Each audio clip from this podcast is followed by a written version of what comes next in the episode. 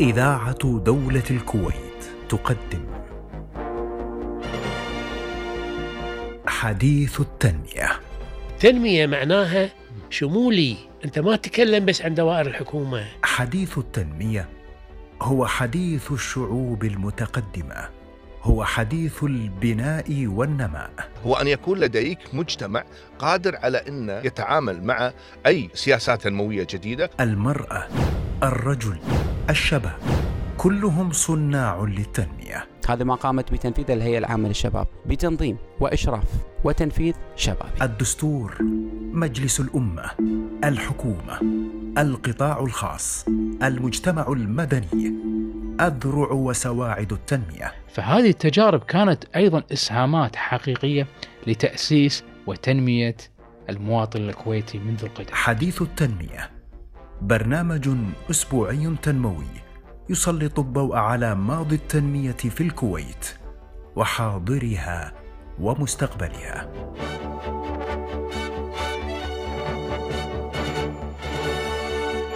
أهلا بكم مستمعينا الأعزاء وحلقة جديدة من برنامج حديث التنمية. نقلة تقنية هزت العالم ولا تزال.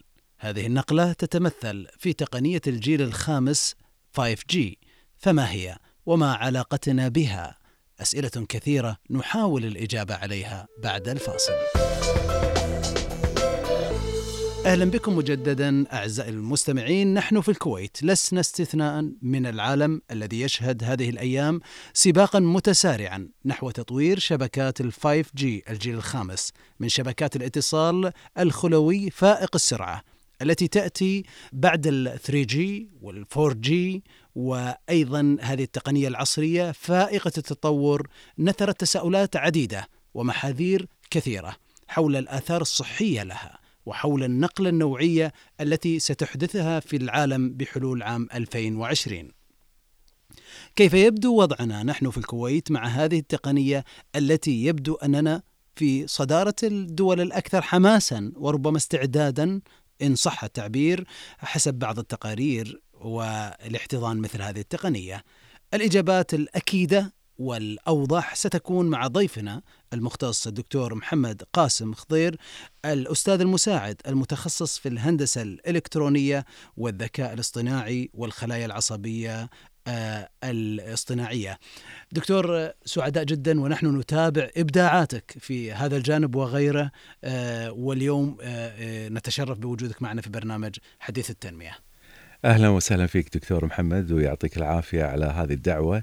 وأنا سعيد إني أكون معاكم للحديث عن تقنيه 5G اللي وصلت إلى الكويت حاليا وبدأ الناس أيضا يشتركون فيها وهي موجودة حاليا عن عد عدة شركات أو شركتين بالأحرى بالكويت موجودتين وقاعدين يشتغلون عليها. ليست كل المناطق مغطاة حاليا إنما معظمها ويستطيع الناس الحصول على الجهاز ال 5G وإن ما وصلنا إلى ال 5G الحقيقي الذي هو آه، الناس تعمل عليه حاليا في المختبرات.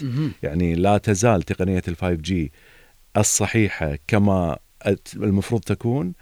ليست متوفرة حاليا إنما ماشيين إحنا على التقنية الفو على للحين على موجات ال 4G جميل. مجرد ما تحدثنا آه، باساليب بسيطة أن لدينا حلقة مع الدكتور محمد قاسم حول ال 5G الكل متى ستبث وكذا. يبدو أنها حديث الساعة. وحديث الساحة وكذلك أيضا عندما يتحدث الدكتور محمد قاسم فيها فيتوقع الجميع إجابة الكثير من التساؤلات حول هذه التقنية الجديدة. ما هي حقيقة آه، تقنية ال 5G الجيل الخامس آه، من من شبكات الاتصال الخلوي؟ نعم إحنا أول شيء ال 5G حاليا راح يمشي على الخطوط اللي موجودة لل 4G إن صح التعبير. أو موجات التردد لل 4G فتبدأ من الترددات اللي موجودة حاليا لل 4G مع سرعات أعلى. وهذا الهدف منها يعني إحنا بننتقل الآن من 4G اللي كان المفروض يوصل إلى واحد جيجا بت في الثانية ينزلك على التلفون يوتيوب فيديوهات وما أشبه تنزلها وتستهلكها بسرعة كبيرة. هذه ما كانت متوفرة في ال 4G وصلت إلى سرعات معينة. أتذكر يعني غالبية الشركات كانت تعرض تقريبا 150 ميجا بت في الثانية ولم تعطيك إياها بالكامل. زين الآن لا أصبح الموضوع مختلف. الآن مع وجود هذا هذه التكنولوجيا الجديدة وعلى خطوط ال 4G على ترددات ال 4G أصبحت الإمكانية أن تصل إلى تقريبا يعني أنا اللي جربته مباشرة في بعض الشركات وصل إلى 400 ميجا بت في الثانية وبعضها 700 ميجا بت في الثانية وشفت بعض الفيديوهات اللي تعطيك 1 ميجا بت 1 جيجا بت في الثانية. الله فالسرعات لا جدا مقارنة عالية. مع ال 4G لا مقارنة تماما. أنا يعني احد إحدى المقارنات اللي عملتها في البودكاست اللي شرحت فيه الموضوع بإسهاب طويل مم. تقريبا ساعة ونص قضيت على هذا الموضوع حتى أشرح. طبعا دخلت أيضا ليس فقط في ال 4G إنما حتى في الأضرار الصحية إن وجدت. مم. تمام؟ وسنتحدث عنها بعد قليل. بالضبط. نعم. أي فهذا تقنية ال 4G أنا ضربت فيها مثال. تخيل إنك أنت في بداية ال... أيام السيارات الأولى تمشي في بين السكيك حتى تصل حارات إلى إي إلى أن تصل إلى العمل مثلا آه. لما- هذه 3 جي هذه 3 جي إيه. لما طلعت ال 4G لا تغير الوضع عندنا highway عندنا خط سريع سيارة. تمشي عليه عدة سيارات بس نعم. ما تقدر تتسع كثير في صحيح. ال 4G وسيارتك تشيل عدد محدود من الأفراد وال 5G 5G يعتبر مثل القطار المغناطيسي ال maglev اللي مم. تركب عليه تركب مجموعة كبيرة من الناس السرعة. والسرعة خاطفة جدا مهم. وعندك أراضي شاسعة واسعة جاهزة لأن تضع عليها سكك حديد جديدة. يعني سكك حديد إيه؟ يعني طريق يعني لا يمكن أن يسير مسار ال 4G لا لا شيء مختلف. خلينا الحين خلينا من المثال. مم. الفكرة شنو؟ إن أنت عندك حاليا ال 4G بترددات معينة. آه ترددات. إحنا صعدنا أو العلماء صعدوا من من بعد ال 4G من الترددات من 6 جيجا هرتز وطالع إلى تقريبا 100 جيجا ميجا- 100 جيجا هرتز وهذه السرعات عالية جدا اللي توفر أو ترددات عالية جدا اللي توفر خطوط جديدة حوالي 15 للأثر. ضعف. يعني في كذا يعني اي طبعا. راح تحط فيها الكثير من الداتا اللي ما كانت ممكنة في السابق. شنو تستفيد منها؟ ليش السرعات هذه مفيدة؟ هذا سؤال إنه يعني دكتور محمد قاسم يبدو العالم متحمس جدا لتقنية ال 5 G أكثر من ال 3 G أو ال 4 G ليش؟ بالضبط.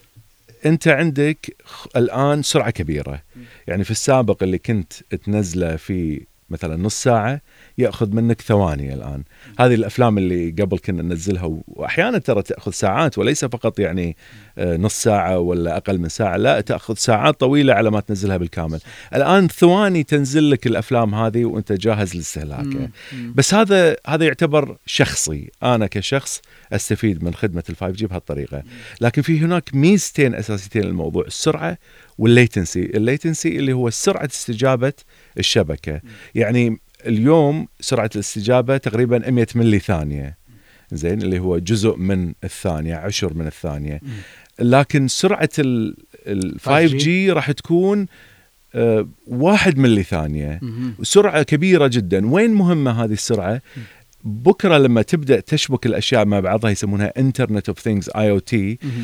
أشياء إنترنت الأشياء أجهزة متعددة على الإنترنت شابكة ببعضها بطريقة ذكية وتتخاطب مع بعضها لأنه عندك أنت موجة كبيرة تستطيع إنك تحط هذه الأجهزة كلها مع بعضها. سيارات تمشي على الشارع شابكة مع بعضها وشابكة معك أنت. فإذا السيارة ماشية تتخاطب مع السيارات الأخرى وتفهم شنو تسوي شلون تتخذ القرار شابكة عن طريق ال- الكلاود. بدون آه، قيادة مباشرة طبعا القيادة الذاتيه هذه جاية بالطريق يعني آه، واضحة. إيه. جوجل شغاله عليها من فترة طيب دكتور الموضوع آه، حقيقة أشبه بالخيال. حتى الآن يعني أعتقد أنا والمستمع وكثير من المستمعين أنا أعتقد أن يعني حتى الآن لا نعلم إلى أين ستأخذ هذا العالم. فلا شك أنه هو تطور كبير جدا.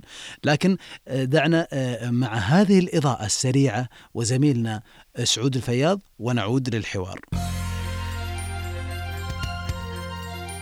تعتبر دولة الكويت من أوائل الدول التي هيأت السبل لتطوير أنظمتها لتتواكب مع أحدث تكنولوجيا الاتصالات والمعلومات. كما أن الكويت من الدول الأولى في العالم والمنطقة في توفير تقنيات الجيل الخامس للعملاء والأفراد والشركات، مما يساعدها على الاستمرار في تنفيذ متطلبات رؤية 2035. إن شركات الاتصالات في الكويت بدأت الاستعداد منذ فترة لتشغيل الجيل الخامس تجارياً من خلال تطوير شبكاتها. تبلغ سرعة الاستجابة لتقنية الجيل الخامس أقل من ثانية واحدة، ما يشكل التطور الأبرز على الساحة التكنولوجية اليوم، وتتراوح من 10 إلى 100 ضعف السرعات التي كانت توفرها تقنيات الجيل الرابع في الفترة الماضية. تقدم تقنيات الجيل الخامس عدة مزايا ومنها توفر عمليات بث ضخمة للبيانات من رتبة الجيجا بايت والذي يدعم ما يقارب 65 ألف اتصال تقوم الخدمات عالية الجولة لتقنية الجيل الخامس على سياسة تجنب الخطأ. تقديم بوابات نقل متناسقة وفائقة. جعل إحصائيات حركة المرور عبر الشبكات أكثر دقة. حلول سريعة أفضل للمستخدمين بواسطة تقنيات الإدارة عن بعد. عمليات التشخيص عن بعد بشكل أكثر دقة. عودة معكم مستمعينا الأعزاء وضيفنا في داخل الاستوديو في برنامج حديث التنمية الدكتور محمد قاسم خضير الأستاذ المساعد المتخصص في الهندسة الإلكترونية والذكاء الاصطناعي والخلايا العصبية الاصطناعية. دكتور آه، يعني زميلنا سعود في هذه الإضاءة تعليقك على مثل هذا الأمر واستعدادنا نحن في الكويت كيف يبدو وضعنا آه، مع هذه التقنية الحديثة؟ يا الكويت تعتبر واحدة من الدول اللي تقدمت بسرعة في هذا الموضوع. يعني الشركات اللي نزلت ال 5 جي نزلتها قبل كثير من الدول. يعني أنا متابع شفت إن بريطانيا بدأت تنزل. يعني إذا تدخل اليوم على الخرائط مالت الشركات ستجد إن بعض المناطق بدأ فيها وضع ال 5 جي أمريكا كذلك بدأت فيه من فترة طويلة مو طويلة كثير يعني يمكن من سنة أو أكثر. ووضعت بعض المناطق بشكل مبدئي 5G والتقنية مو متوفرة للجميع. الكويت لا بدأت توفرها بشكل كبير هالسنة هذه وحتى قبل كثير من الدول. وهذا شيء إيجابي يعتبر يعني إن ما الذي يجعلنا نحن أكثر استعدادا آه، من غيرنا؟ هل نطاقنا الجغرافي الأقل؟ هل استعداد البنية التحتية؟ ما أدري بس لكن الشركات بدأت واشتغلت فيه ووضعت على الأبراج الأجهزة مالتها وجهزتها ولكن لا يزال ترى إحنا في بداية ال 5 جي كما ذكرت قبل قليل ومع التكنولوجيا وتطورها لا سندخل في الموجات الترددات الأعلى وناخذ خدمات أسرع من السابق. أثر هذه التقنية دكتور محمد على آه، التنمية لدينا في الكويت يعني آه، أنا متوقع أن في فائدة كبيرة جدا لكن هل هذا صحيح وكيف؟ في التقرير ذكر نقطة مهمة م. وهي التحكم أو الإدارة عن بعد زين قد لا تنطبق علينا الآن مباشرة إحنا نتكلم عن على سبيل المثال إيه؟ المرور ذكرته اللي هي في السيارات اللي إيه؟ تتشابك مع بعضها إيه؟ وفي المستقبل إذا السيارات صارت بالكويت إيه؟ ذاتية القيادة يمكن هذا شوي يريحنا من الزحمة اللي موجودة إيه؟ لأن السيارات تتخاطب مع بعضها والله هذا الموضوع صعب حتى تتخيل ماني عارف يعني صعب جدا إيه؟ فاي فتخيل الحين وهذه لقطة موجودة علشان بس يورونك مدى قوة ال 5 G لقطة شخص ماسك أذرع الآلية مالت الحفارة. والحفارة موجودة في دولة أخرى. الحين أنا ما أعرف الدول بس خلينا أقول من عندي الآن ألمانيا والصين. هذا ماسك أذرع الحفارة ويحركها في ألمانيا ويتحكم في في الحفارة نفسها اللي موجودة على ارض الصين, في الصين. اي فشنو الفكرة؟ تخيل أنت الحركة مالتك هذه أنت تحتاج أن تتجاوب معاك الحفارة في نفس الوقت. إذا تأخر بتقنية الفورجي الحالية ما تستطيع أن تحفر بشكل سريع تخيل الطبيب. الطبيب يريد أن يجري عملية جراحية من دولة على شخص في دولة أخرى. الله. الأذرع الآلية اللي موجودة على المريض في الدولة الأخرى تحتاج أن تستجيب للطبيب مباشرة. مم. فإذا الطبيب قاضب الأذرع وقاعد يحركها إذا ما تحركت معاه في نفس الوقت ممكن يجرح المريض. صح. فلذلك تقنية ال 5 G هذه واحدة من أهم الأشياء اللي قاعدين يعني يخططون لها. 5 G باختصار ببساطة راح يسوي الطبيب العملية وهو موجود في أمريكا وقاعد بمكتب وأمام الكمبيوتر أو ما إلى ذلك أجهزة التواصل عبر تقنية ال 5 G يعمل العملية إلى مريض موجود في الشرق الأوسط أو في الكويت. بالضبط، هذه طبعا من الأشياء اللي طبعا نعتبرها مفيدة جدا جدا مفيدة. إيه لكن هناك أشياء أيضا بالتسلية، م. يعني تقنية ال virtual reality الواقع المعزز أو اللي تلبس نظارة فيه وتشوف العالم من حواليك. م. أنت اليوم تقدر تسوي هذا الشيء، موجودة هالنظاره وتلبسها وتعيش الأجواء لكن غالبا هذه البرامج تكون موجودة معاك حاليا مم. فإذا أنا بلبس النظارة وبعيش بواقع افتراضي فيه الكثير من الناس حول العالم أحتاج إلى شبكة متجاوبة بسرعة كبيرة وتذهب إلى ال cloud. السحابة إيه. الحسابية هذه وتحسب حساباتها وترجع لي المعلومات بسرعة فأستطيع أن أتواصل مع العالم كله عن طريق ال VR بال 5 G اللي يوفر لي السرعة الأكبر. هذه دكتور محمد قاسم آه، سوف تغير كثير من معايير العمل حتى يعني آه، في في العالم. يعني عندما آه، تشير إلى مثال الحفار وما إلى ذلك خلاص لا نحتاج إلى وجود عمال في الميدان. العامل يجلس في الغرفة ويعمل ويحفر ويعمل كل شيء وهو في غرفة و- أو في مكان حتى خارج. بدل ما استخدم عمالة حلو. أنا كمؤسسة بدل ما استخدم ألف أنا أخذ لي مجموعة من الأشخاص المدربين وهم في أماكنهم ممكن يعملون الإنتاجية والعمل. طبعا حط في اعتبارك إن هذا جزء من الموضوع لما تشبك معاه بعد الخلايا العصبية الاصطناعية والذكاء الاصطناعي الموضوع يتغير تماما. هذا بعد ممكن ياخذ وظائفنا. بس خلينا نرجع. إيه. بالنسبة حق ال 5 جي نعم أنت وين راح تستخدمها؟ تخيل أنت إنسان خبير في موضوع معين. ما في هالخبرة مو متوفرة في دوله أخرى. أنت موجود في الدولة لا تحتاج أن تسافر لتذهب إلى الدولة الأخرى وتعطل العمل وعلى ما تسافر وفيزا وأمور مثل هذه. وأنت قاعد في الدولة تستطيع أن توفر الخبرات اللي متوفرة عندك حق الدولة الأخرى. لكن غالبا لن يكون هذا بشكل واسع اللي العمال بشكل عام تاخذهم من دولة إلى دولة إنما الخبرات الأساسية اللي لا تتوفر عند دولة معينة. النوعية. إي النوعية اللي مم. ممكن هذه اللي ممكن. تستفيد من ال 5 G خلال من خلالها. جميل. آه، هناك جانب آه، لربما آه، مخيف لل 5 G هذه كل الجوانب جميلة وشبه خيالية. ورائعة سواء كان في التسلية أو في الإنجاز والعمل.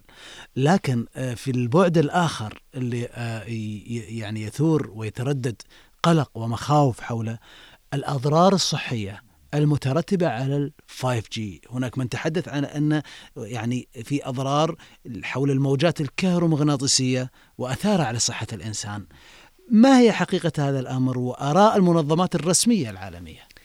يا هذا الموضوع بحثت فيه ودرسته بشكل جيد. ما أدعي إني أنا درسته بشكل ممتاز لكن حتى بالشكل اللي أنا درسته فيه أستطيع أن أقول وبثقة كبيرة إن لا تخافوا من ال 5 G زين؟ الكلام مو مني أنا. أنا لا أدعي هذا الكلام بنفسي.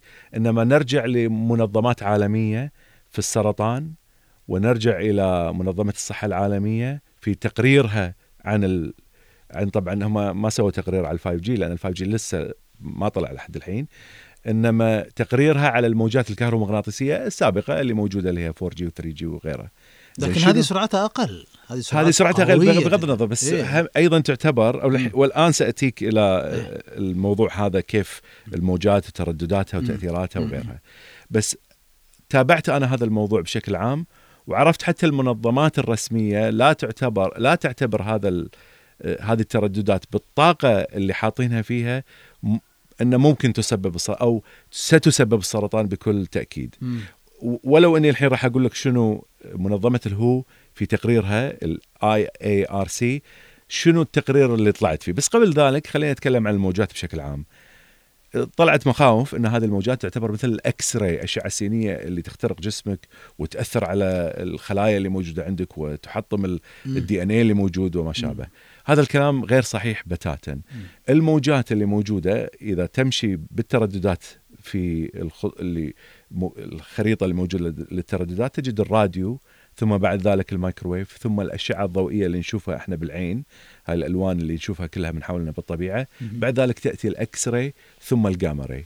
الحين نقسم الموجات إلى قسمين موجات يسمونها غير مؤينة وموجات مؤينة. ما, شنو ما الم- معنى مؤينة؟ اي الم- المؤينة عبارة عن الموجات ال- اللي تضرب الذرة وتطلق تفجرها.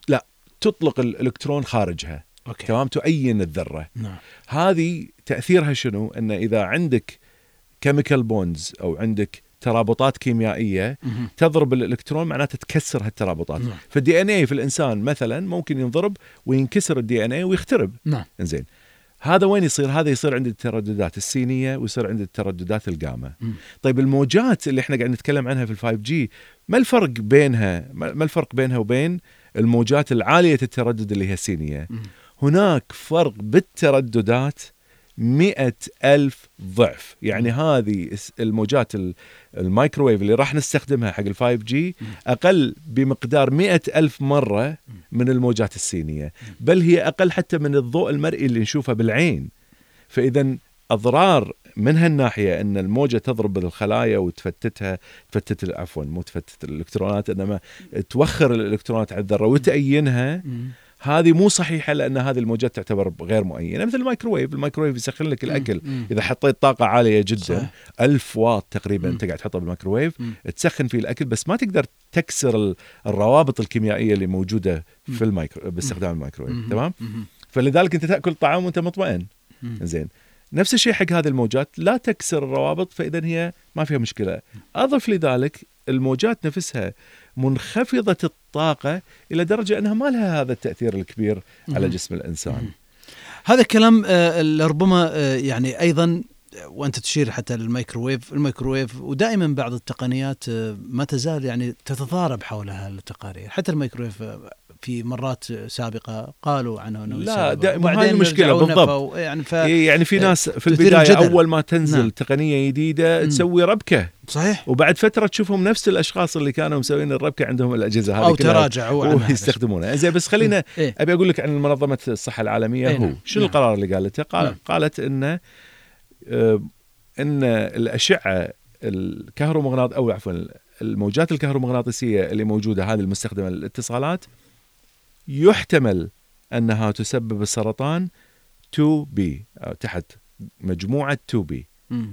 إذا ترجع إلى هذه المجموعة ستجد أن شنو المقصود في هذا الكلام؟ اولا كلمة يحت يحتمل أن تسبب السرطان، هذا واحد.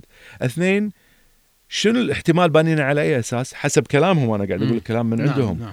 إن هذا بناء على أن الأبحاث غير كاملة وغير آه، صحيحة وغير دقيقة وغير مؤكدة نعم. ولذلك لا نستطيع أن نعتمد عليها بس هناك يعني ربما بعض الأدلة اللي قد تشير إلى هذا الشيء ولكن ما لقينا علاقة سببية. مجرد ما اشاروا يحتمل فهي تدعي للقلق لا ابدا مم. بالعكس مم. أنا أقول لك واحد من الأمثلة مم. على انه يحتمل يسرطن 2B. القهوة. من منا لا يشرب القهوة إحنا الكل يوم نشرب القهوه صحيح. ومنو اللي قايل هالكلام مو أنا مو محمد قاسم جايب. هذا الكلام مم. م- جمعية السرطان الأمريكية نفسها تقول إحنا نعتبر هذا القرار اللي طلع من ال IARC من هو نعتبره قرار صائب ولكن نقول إنه ما في خوف من الأشعة الكهرومغناطيسية وهي بمثابة أو بمكان بنفس مستوى القهوة.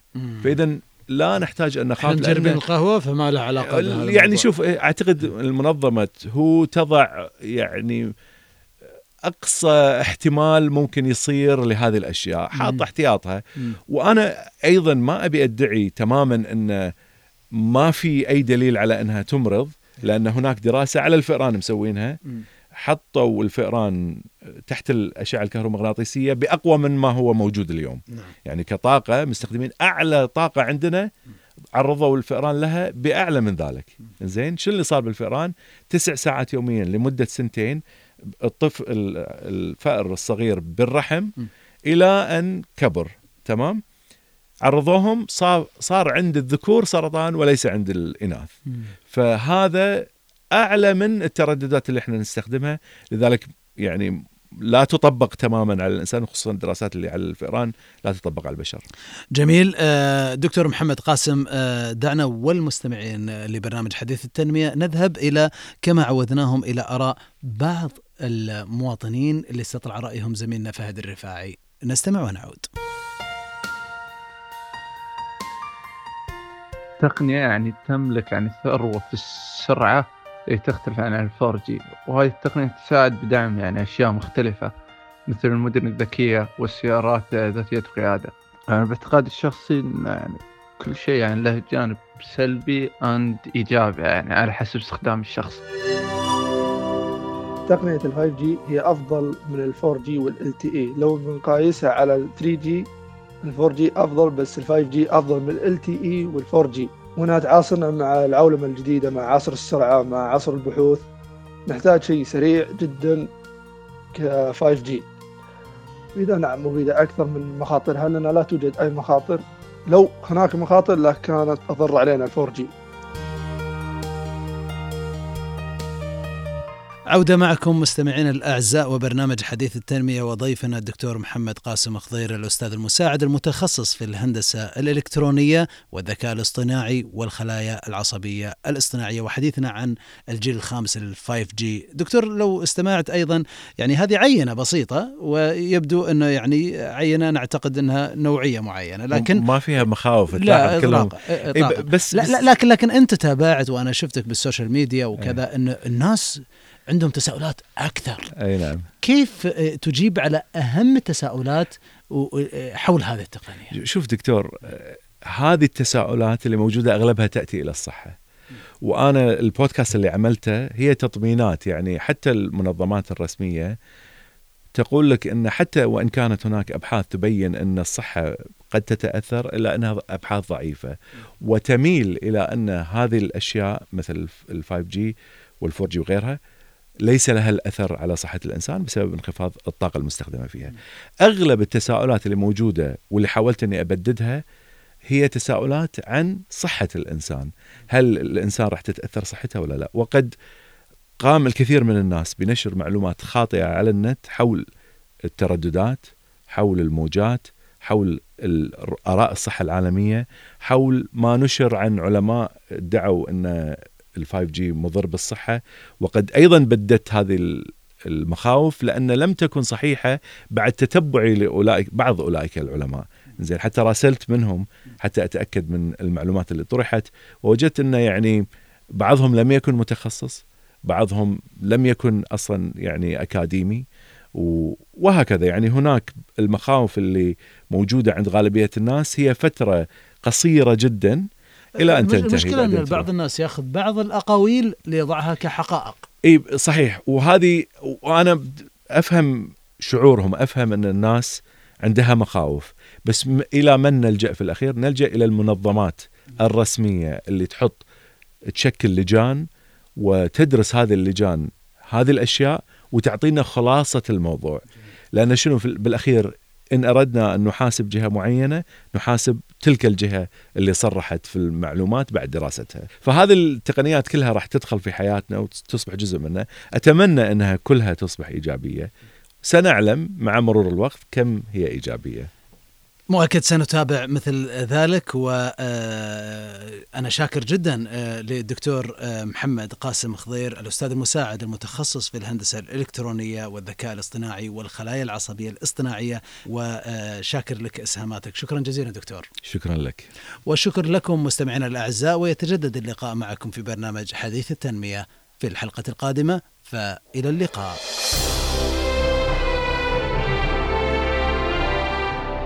حديث التنمية. برنامج أسبوعي تنموي. من إعداد وتقديم الدكتور محمد منيف العجمي. إعداد سعود الفياض. تنفيذ فهد الرفاعي. حديث التنمية للمخرج سلمان الزيدي.